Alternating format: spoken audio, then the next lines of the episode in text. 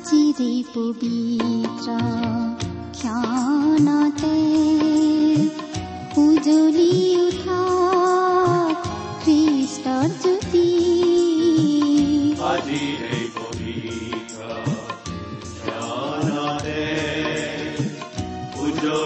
উঠা খ্ৰীষ্টৰ জ্যোতি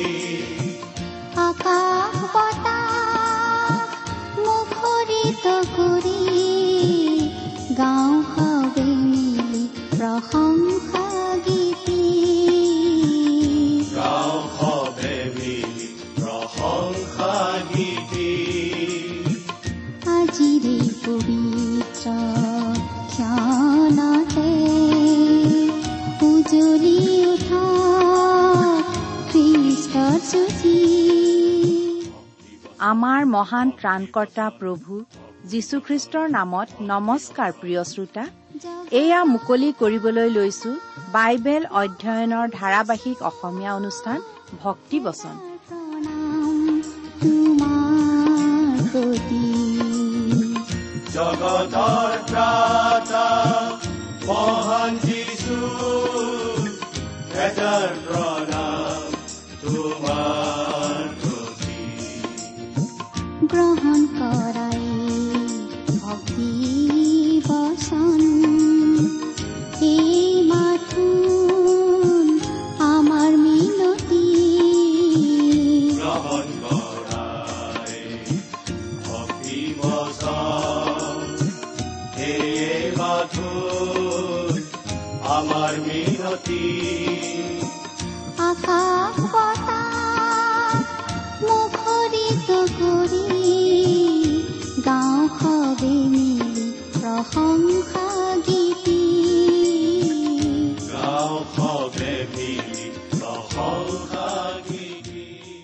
আমাৰ মহান ত্ৰাণকৰ্তা প্ৰভু যীশুখ্ৰীষ্টৰ নামত নমস্কাৰ প্ৰিয় শ্ৰোতা। আশা কৰো আপুনি ভালে কুশলে আছে। লগতে এই বুলিও আশা কৰিছো যে আপুনি আমাৰ এই ভক্তিপচন অনুষ্ঠানটো নিয়মিতভাৱে শুনি আছে। এই অনুষ্ঠান শুনি আপুনি কেনে পাইছে বাৰু? অনুগ্ৰহ কৰি আমালৈ চিঠি লিখি জনাবচোন। আপোনালোকৰ পৰা চিঠি পত্ৰ পাবলৈ আমি আশাৰে বাট চাই থাকো আৰু সেইবাবেই আমালৈ চিঠি লিখিবলৈ আমি সদায়েই অনুৰোধ জনাওঁ। অনুগ্ৰহ কৰি আজি এই দুখাৰিমান লিখি পঠিয়াবচোন। আমাৰ যোগাযোগৰ ঠিকনা ভক্তিবচন টি ডব্লিউ আৰ ইণ্ডিয়া ডাক বাকচ নম্বৰ সাত শূন্য গুৱাহাটী সাত আঠ এক শূন্য শূন্য এক। ভক্তিবচন T W R India post box number seventy Guwahati seven eight one zero' zero' one. আমাৰ website W W W dot radio' eight eight two dot com. আহকচোন বাইবেল অধ্যয়ন আৰম্ভ কৰাৰ আগতে খন্তেক প্ৰাৰ্থনাত মূৰ দুৱাওঁ আমি প্ৰাৰ্থনা কৰো হে আমাৰ স্বৰ্গত থকা মহান পিতৃ ঈশ্বৰ প্ৰথমতেই তোমাক ধন্যবাদ দিওঁ কাৰণ তুমি আমাক আকৌ এটা নতুন দিন দেখিবলৈ দিলা আৰু তোমাৰ বাক্য অধ্যয়ন কৰিবলৈ আমাক আকৌ এটা সুযোগ দিলা। প্ৰভু তোমাৰ বাক্যৰ নিগৃঢ় তত্ব বুজাই দিয়াৰ ক্ষমতা আমাৰ নাই সেই সামৰ্থ্যও আমাৰ নাই। তুমিয়েই আমাক বুজাই দিয়া। আমাৰ প্ৰয়োজন অনুসাৰে তুমিয়েই আমাৰ প্ৰত্যেককে বুজাই দিয়া। আমাৰ মৰমৰ শ্ৰোতাসকলক তোমাৰ মাত শুনিবলৈ দিয়া। তেওঁলোকৰ জীৱনত তোমাৰ অনুগ্ৰহৰ আশীৰ্বাদ প্ৰকাশ পাই উঠিবলৈ দিয়া। এই অনুষ্ঠানৰ আৰম্ভণিৰ পৰা শেষলৈকে তুমি আমাক পৰিচালিত কৰা। কিয়নো এই প্ৰাৰ্থনা আমাৰ পাপৰ প্ৰাচিত্য কৰিবলৈ ক্ৰুচত প্ৰাণ দি তৃতীয় দিনা পুনৰ জি উঠি এতিয়া স্বৰ্গত আমাৰ বাবে নিবেদন কৰি থকা ত্ৰাণকৰ্তা প্ৰভু যীশুখ্ৰীষ্টৰ নামত আগবঢ়াইছো। আমেন। প্ৰিয় শ্ৰোতা আপুনি বাৰু আমাৰ এই ভক্তিবচন অনুষ্ঠানটো নিয়মিতভাৱে শুনি আছেনে?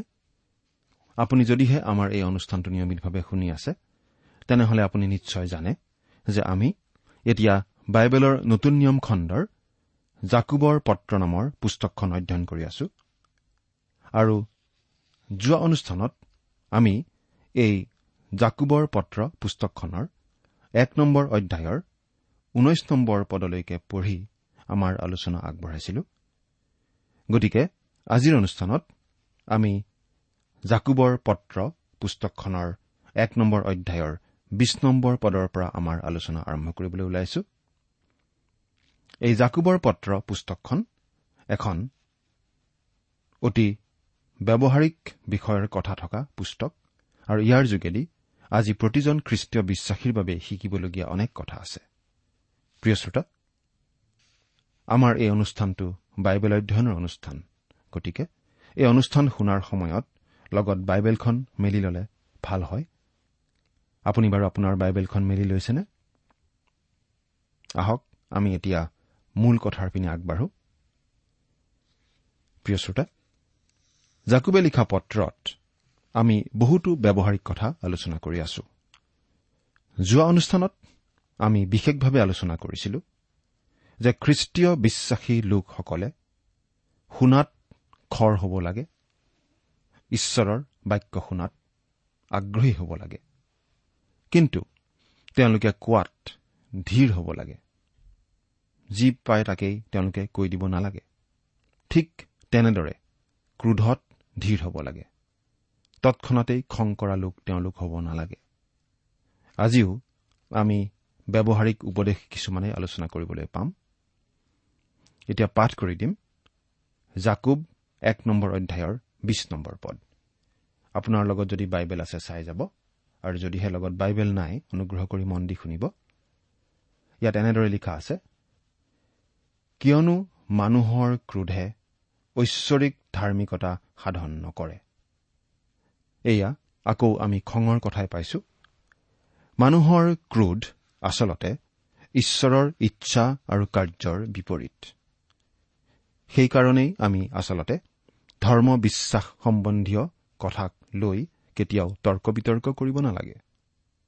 মই আজি পৰ্যন্ত এনেকুৱা এজন মানুহক লগ পোৱা নাই যিজনৰ মোৰ সৈতে শতকৰা এশভাগ মত মিলে নাইবা যিজনৰ লগত মোৰ মত শতকৰা এশভাগ একে হয়। কিন্তু তাৰ বাবেই মই তেওঁলোকৰ লগত কথা বতৰা পতা বন্ধ কৰি দিব লাগিব জানো?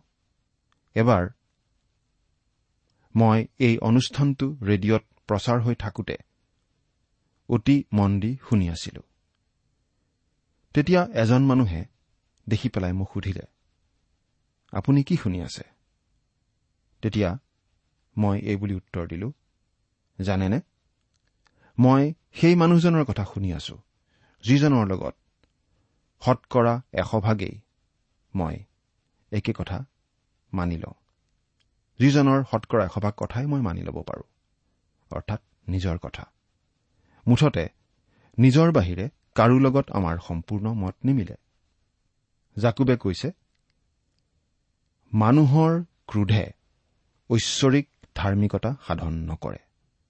এৰা প্ৰিয় শ্ৰোতা কেতিয়াবা আপোনাৰ এনেকুৱা লাগিব পাৰে যে আপুনি প্ৰকৃত খ্ৰীষ্টীয় বিশ্বাসৰ সপক্ষে কথা কবলৈ যোৱা বাবেই কেতিয়াবা আপোনাৰ লগত আনৰ মত নিমিলা বাবে আপোনাৰ খং উঠিব পাৰে।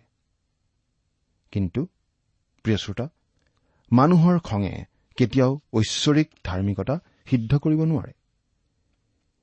ঈশ্বৰৰ হকে খং কৰিছো বুলি আপুনি নিজক ভুলাই লাভ নাই। কাৰণ ঈশ্বৰৰতো খং উঠা নাই। তেওঁ মানুহক পৰিত্ৰাণ দিয়া কামতহে ব্যস্ত হৈ আছে? একৈশ নম্বৰ পদ।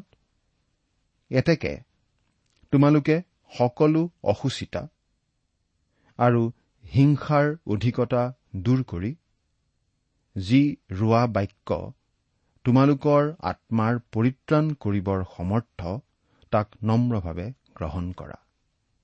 এতেকে তোমালোকে সকলো অসুচিতা দূৰ কৰি অৰ্থাৎ সকলো ধৰণৰ মাংসিক অসুচিতা তোমালোকে দূৰ কৰা। আৰু হিংসাৰ অধিকতা দূৰ কৰি।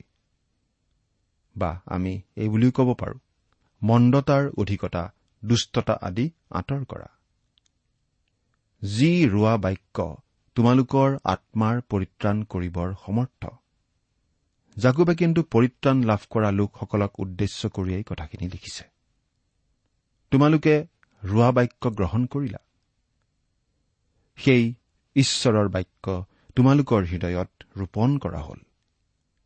বা আন কথাত কবলৈ গ'লে তোমালোকৰ হৃদয়ত ৰোপণ কৰা ঈশ্বৰৰ বাক্যই ইতিমধ্যেই তোমালোকলৈ পৰিত্ৰাণ আনিলে। কিন্তু তোমালোকে খ্ৰীষ্টীয় বিশ্বাসী হিচাপে জীয়াই থাকিব লাগিব। পৰিত্ৰাণৰ তিনিটা কাল আছে।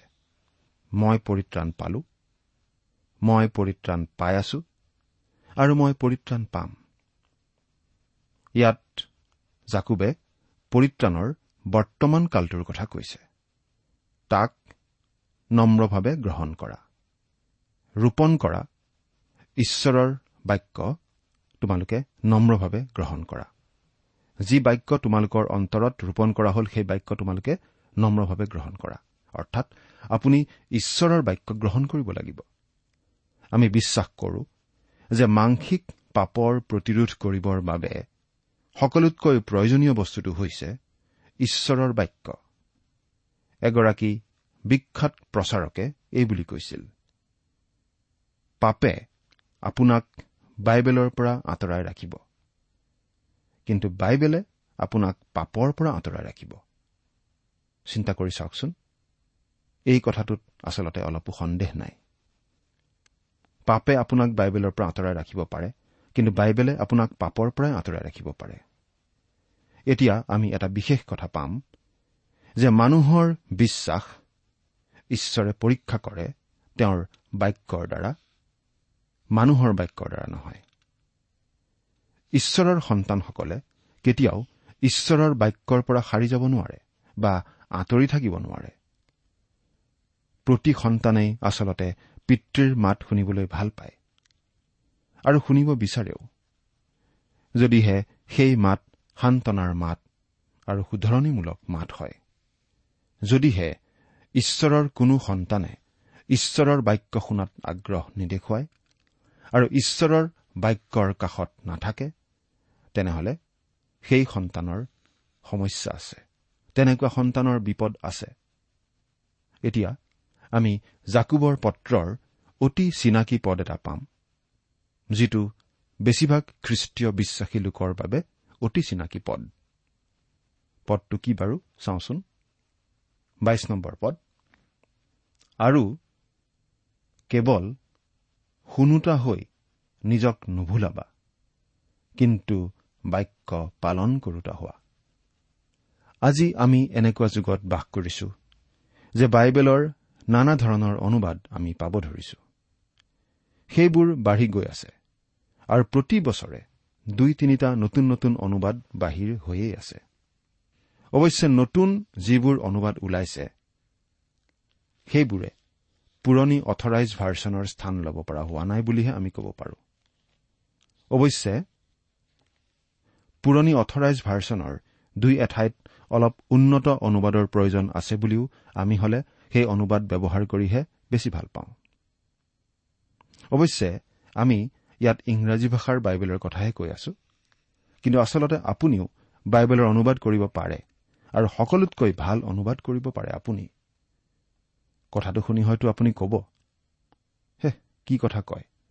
সেইটোনো কেনেকৈ সম্ভৱ হ'ব? মইতো মূল ভাষাবোৰ ভালদৰে নাজানো। পুৰণি পাণ্ডুলিপিৰ পৰা কেনেদৰে পাঠ উদ্ধাৰ কৰিব লাগে মইতো নাজানো। মই আচলতে ভাষাটো ভালদৰে নাজানোৱেই। কিন্তু আপোনাৰ যি ধৰণৰ সীমাবদ্ধতাই নাথাকক কিয়? আপুনিও কিন্তু বাইবেলৰ সৰ্বোত্তম অনুবাদ কৰিবলৈ সক্ষম হ'ব পাৰে।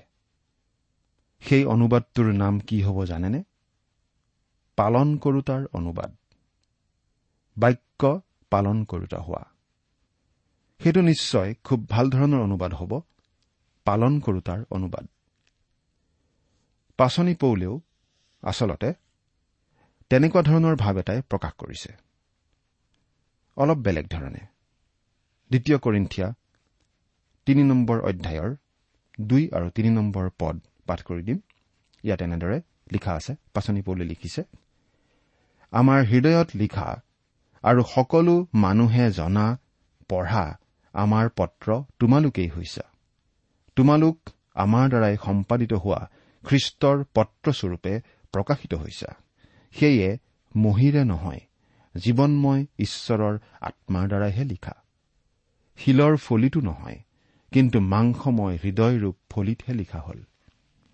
আজি জগতখনে বাইবেল পঢ়ি থকা নাই পঢ়ি আছে আপোনাক মোক প্ৰতিজন খ্ৰীষ্টীয় বিশ্বাসীক। এজন লোকে এই কথাখিনি কবিতাৰ আকাৰত লিখিছিল। প্ৰতিদিনে শুভবাৰ্তাৰ একোটা অধ্যায় লিখা হয়। আপুনি যি কৰে বা মুখেৰে যি কয়। মানুহে পঢ়ে আপোনাৰ কথা। লাগিলে সঁচাই হওক বিশ্বাসহীনেই হওক। আপুনি লিখা শুভবাৰ্তাখননো কেনে? জাকুবে লিখা পত্ৰৰ বাইশ নম্বৰ পদৰ পৰা পঁচিছ নম্বৰ পদত আমি প্ৰকৃত অৰ্থত ব্যৱহাৰিক কথাখিনি পাইছো। এই পদকেইটা আমি এনেদৰে নামাংকিত কৰিব পাৰোঁ। বাইশ নম্বৰ পদটোত আমি পাইছো বাক্যৰ দাবী। তেইছ আৰু চৌব্বিছ নম্বৰ পদত আমি পাইছো বাক্যৰ বিপদ। পঁচিছ নম্বৰ পদত আমি পাইছো বাক্যৰ গাঁথনি বা আৰ্হি। ইয়াত আমি আমাৰ দৈনন্দিন জীৱনৰ সৈতে জড়িত কথাৰ বিষয়ে আলোচনা কৰিব পাৰোঁ। এই বাইশ নম্বৰ পদত আমি পাওঁ বাক্য অৰ্থাৎ ঈশ্বৰৰ বাক্যৰ দাবী অথবা অনুজ্ঞা অৰ্থাৎ আদেশ। পদটো আকৌ পঢ়িছো। আৰু কেৱল শুনোতা হৈ নিজক নুভুলাবা কিন্তু বাক্য পালন কৰোতা হোৱা। ঈশ্বৰৰ বাক্যত এনে এটা উপাদান আছে যিটোৱে ইয়াক আন যিকোনো কিতাপতকৈ বেলেগ কৰিছে। আমি নতুন তথ্য পাবলৈ জ্ঞান বৃদ্ধি কৰিবলৈ বৌদ্ধিক উদ্দীপনা লাভ কৰিবলৈ আম্মিক উদ্দীপনা পাবলৈ আমোদ পাবলৈ বা মনত আনন্দৰ খোৰাক যোগাবলৈ বিভিন্ন ধৰণৰ কিতাপ পঢ়িব পাৰোঁ। কিন্তু ঈশ্বৰৰ বাক্য বেলেগ আৰু খুব সম্ভৱ সেইবাবেই ঈশ্বৰৰ বাক্য অৰ্থাৎ বাইবেল আন আন কিছুমান কিতাপৰ নিচিনা জনপ্ৰিয় নহয়। কাৰণ ঈশ্বৰৰ বাক্যই আমাৰ পৰা দাবী কৰে কাৰ্য। তোমালোকে বাক্য শুনোতা মাথো নহৈ পালন কৰোতা হোৱা। ঈশ্বৰৰ বাক্যৰ প্ৰতি মন দি শুনাৰ আৱশ্যক থাকে। প্ৰভু যীশুৱে কি কৈছিল মন কৰকচোন? জোহন সাত নম্বৰ অধ্যায়ৰ সোতৰ নম্বৰ পদ। প্ৰভু যীশুৱে কৈছিল যদি কোনোৱে তেওঁৰ ইচ্ছা পালন কৰিবলৈ মনস্থ কৰে তেন্তে এই উপদেশ ঈশ্বৰৰ পৰা হয় বা মই নিজৰ পৰা কওঁ তেওঁ তাক জানিব। ঈশ্বৰৰ বাক্যই আমাৰ পৰা কাৰ্য দাবী কৰে। গীতমালা চৌত্ৰিশ নম্বৰ গীতৰ আঠ নম্বৰ পদত এই বুলি লিখা আছে জিহুৱা যে মংগলময় তাক তোমালোকে আচ্ছাদন কৰি চোৱা। তেওঁত আশ্ৰয় লওঁতা লোক ধন্য। এৰা জিহুৱা যে মংগলময় তাক আচ্ছাদন কৰি চোৱা অৰ্থাৎ কাৰ্যৰ যোগেৰে তুমি প্ৰমাণ কৰি চোৱা। আপুনি বুৰঞ্জী পঢ়িব পাৰে। কিন্তু ই আপোনাক একো কৰিবলৈ দাবী নজনায়। আপুনি সাহিত্য পঢ়িব পাৰে। কিন্তু তাত আদেশ একো নাথাকে। কোনো ঘোষণা নাথাকে। কোনো ব্যাখ্যা নাথাকে। অৱশ্যে তাত আমাৰ বাবে শিকিবলগীয়া পাঠ থাকিব পাৰে যিটো আচলতে লিখোতাজনৰ মনত হয়তো নাথাকিব পাৰে। আপুনি বিজ্ঞান পঢ়িব পাৰে কিন্তু ইও আপোনাক একো দাবী নকৰে।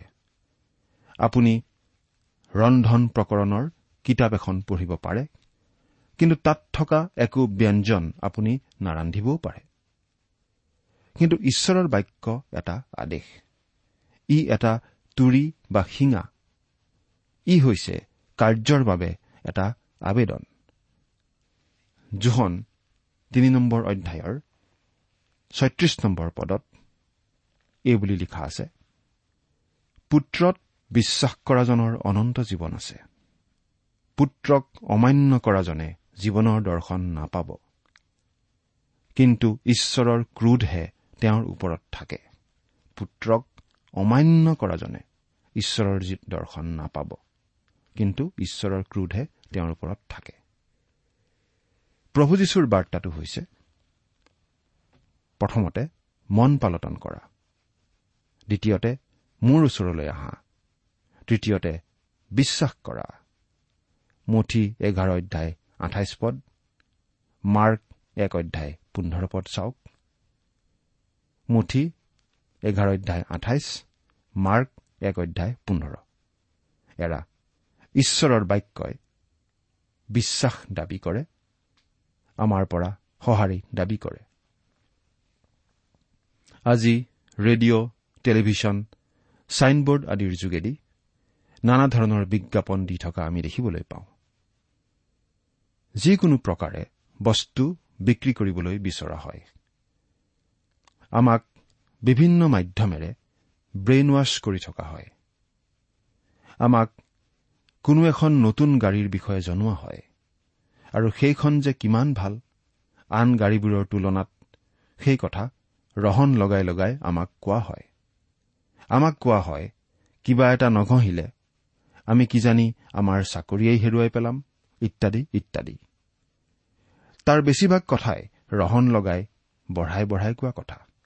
সঁচা মিছাৰ সংমিশ্ৰণ। কিন্তু ঈশ্বৰৰ বাক্যই কয় যে আপুনি যদি খ্ৰীষ্টক গ্ৰহণ নকৰে তেনেহলে আপুনি আপোনাৰ পাপতে মৰিব লাগিব। অতি জোৰ দি এই কথা কোৱা হয়। তাত কোনো লোকঢাক নাই। দ্বিতীয় কৰিন্ঠিয়া ছয় নম্বৰ অধ্যায়ৰ দুই নম্বৰ পদত আমি এই বুলি পঢ়িবলৈ পাওঁ কিয়নো তেওঁ কৈছে মই গ্ৰাহ্যকালত তোমাৰ প্ৰাৰ্থনা শুনিলো আৰু পৰিত্ৰাণৰ দিনা তোমাৰ উপকাৰ কৰিলো। চোৱা এতিয়া পৰম গ্ৰাহ্যকাল।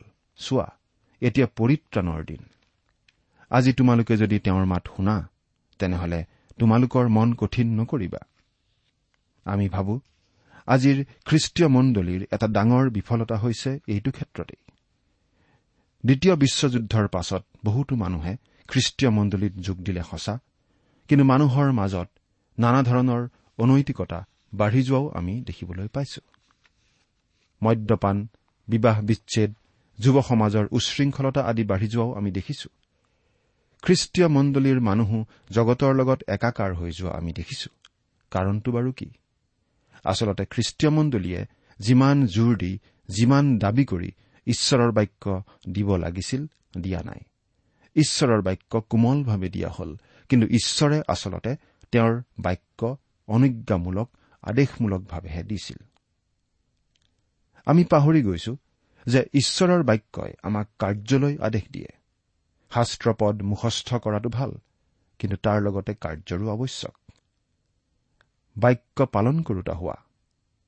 ইয়াত জাকুবে হোৱা বুজাবলৈ সাধাৰণতে ব্যৱহাৰ কৰা গ্ৰীক এইমি বোলা ক্ৰিয়াটো ব্যৱহাৰ কৰা নাই কিন্তু জিনেষ্ঠে বোলা শব্দটো ব্যৱহাৰ কৰিছে। তাৰ আক্ষৰিক অৰ্থটো হৈছে হৈ পৰা জন্ম লাভ কৰা বাস্তৱ ৰূপ লোৱা। ইয়াত যি আদেশমূলক কথাটো কোৱা হৈছে সেই কথা নতুন জন্ম লাভ কৰি ঈশ্বৰৰ সন্তান হোৱা লোকসকলৰ বাবেহে। পৰিত্ৰাণ লাভ নকৰা লোকসকলক ঈশ্বৰে একো কৰিবলৈ কোৱা নাই মাত্ৰ এটা কাম কৰিবলৈ কৈছে কৰিবলৈ নহয় আচলতে বিশ্বাস কৰিবলৈহে কৈছে। মানুহে আহি যেতিয়া যীশুক সুধিছিল অনন্ত জীৱন লাভ কৰিবলৈ আমি কি কৰিব লাগে তেতিয়া তেওঁ আচলতে এনেদৰে কৈছিল কি কৰিব লাগে? কিয়? ঈশ্বৰৰ ইচ্ছা এয়েই নহয় জানো যে তোমালোকে তেওঁ পঠোৱা জনাত বিশ্বাস কৰা? অৰ্থাৎ আমি এই বুলিও ক'ব পাৰো যে পৰিত্ৰাণ নোপোৱা লোকসকলৰ পৰা ঈশ্বৰে এটা কামেই আশা কৰে তেওঁলোকে যাতে খ্ৰীষ্টত বিশ্বাস কৰে। ঈশ্বৰে পৰিত্ৰাণ নোপোৱা লোকসকলক আন একো কৰিবলৈ কোৱা নাই বৰং তেওঁ তেনে লোকক এই বুলিহে জনাব খোজে যে তেওঁহে তেওঁলোকৰ বাবে কৰিব লগাখিনি কৰি থৈছে। তেওঁলোকে মাত্ৰ বিশ্বাস কৰিব লাগে। বহুতো ল'ৰাই খেলি আছিল। এজন মানুহ আহি এজন ল'ৰাক লৈ গ'ল কাৰণ ঘৰত কৰিব লগা বহু কাম পৰি আছিল। তেওঁ আন ল'ৰাক কাম কৰিবলৈ মতা নাছিল। আন ল'ৰাবোৰে খেলিয়ে থাকিল কিন্তু নিজৰ ল'ৰাটোক কাম কৰিবলৈ তেওঁ মাতি লৈ গ'ল। ঠিক একেদৰে আপুনি যেতিয়ালৈকে প্ৰভু যীশুত বিশ্বাস কৰি ঈশ্বৰৰ সন্তান হোৱা নাই তেতিয়ালৈকে ঈশ্বৰে আপোনাক একো কাম কৰিবলৈ নকয়। কিন্তু আমি যিসকল তেওঁৰ সন্তান হলো আমাক তেওঁ কয় তোমালোকে বাক্য শুনোতা মাথোন নহৈ পালন কৰোতা হোৱা। এই কথা সকলো খ্ৰীষ্টীয় বিশ্বাসীৰ বাবেই একে। সকলোকে বাক্য পালন কৰোতা হবলৈ কোৱা হৈছে।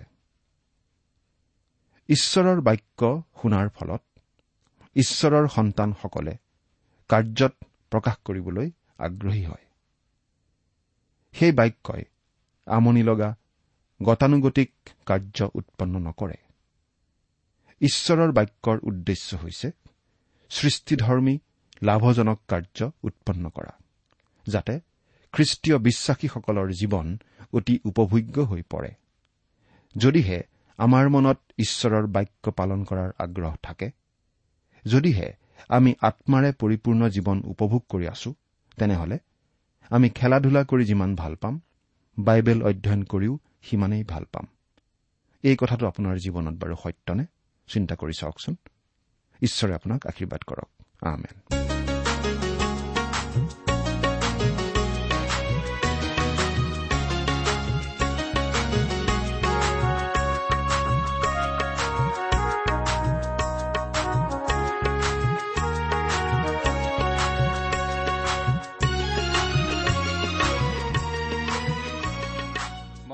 ইমান পৰে আপুনি ভক্তিবচন অনুষ্ঠানটি শুনিলে।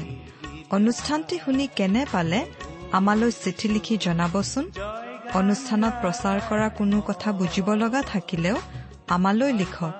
আমাৰ ঠিকনা ভক্তিবচন টি ডাব্লিউ আৰ ইণ্ডিয়া ডাক পাকচ নম্বৰ সাত শূন্য গুৱাহাটী সাত আঠ এক শূন্য শূন্য এক। ঠিকনাটো আৰু এবাৰ কৈছো Bhaktibachan T W R India ডাক পাকচ নম্বৰ সাত শূন্য গুৱাহাটী সাত আঠ এক শূন্য শূন্য এক। আপুনি ইমেইল যোগেৰেও আমাৰ সৈতে যোগাযোগ কৰিব পাৰে। আমাৰ ইমেইল আইডিটো হৈছে Assamese T TV at radio' eight eight two dot com. আইডিটো আকৌ এবাৰ কৈছো। Assamese T TV at radio' eight eight two dot com. আপুনি টেলিফোনৰ মাধ্যমেৰেও আমাক যোগাযোগ কৰিব পাৰে। আমাৰ টেলিফোন নম্বৰটো হৈছে শূন্য তিনি ছয় এক দুই ছয় শূন্য চাৰি ছয় সাত এক। ফোন নম্বৰটো আকৌ এবাৰ কৈছো zero' three six one two six zero' four six seven one আজিৰ অনুষ্ঠানটি ইমানতে সামৰিছো। ঈশ্বৰৰ শান্তি আৰু অনুগ্ৰহ আপোনাৰ লগত থাকক। ধন্যবাদ। खाली घरा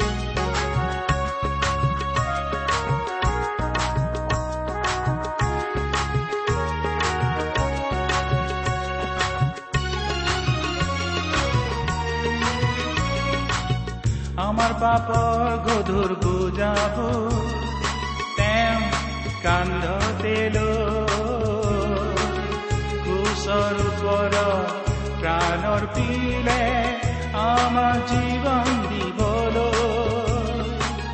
আমাৰ পাপৰ গধুৰ বুজাব তেওঁ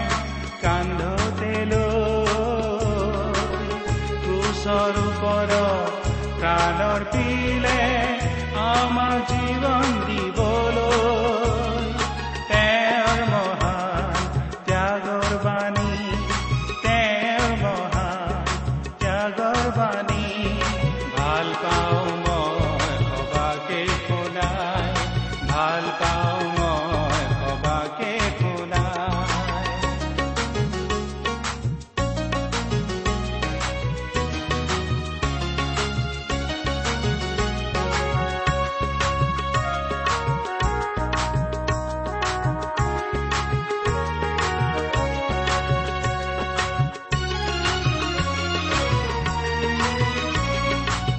তৃতীয় দিনা পুনৰ উঠি মৃত্যুক জয় কৰিলে তৃতীয় দিনা পুনৰ উঠি মৃত্যুক জয় কৰিলে সুশৰীৰে সৰগলৈ গৈ সুশৰীৰে সৰগলৈ গৈ আজি নিবেদিছে আমাৰ হকে।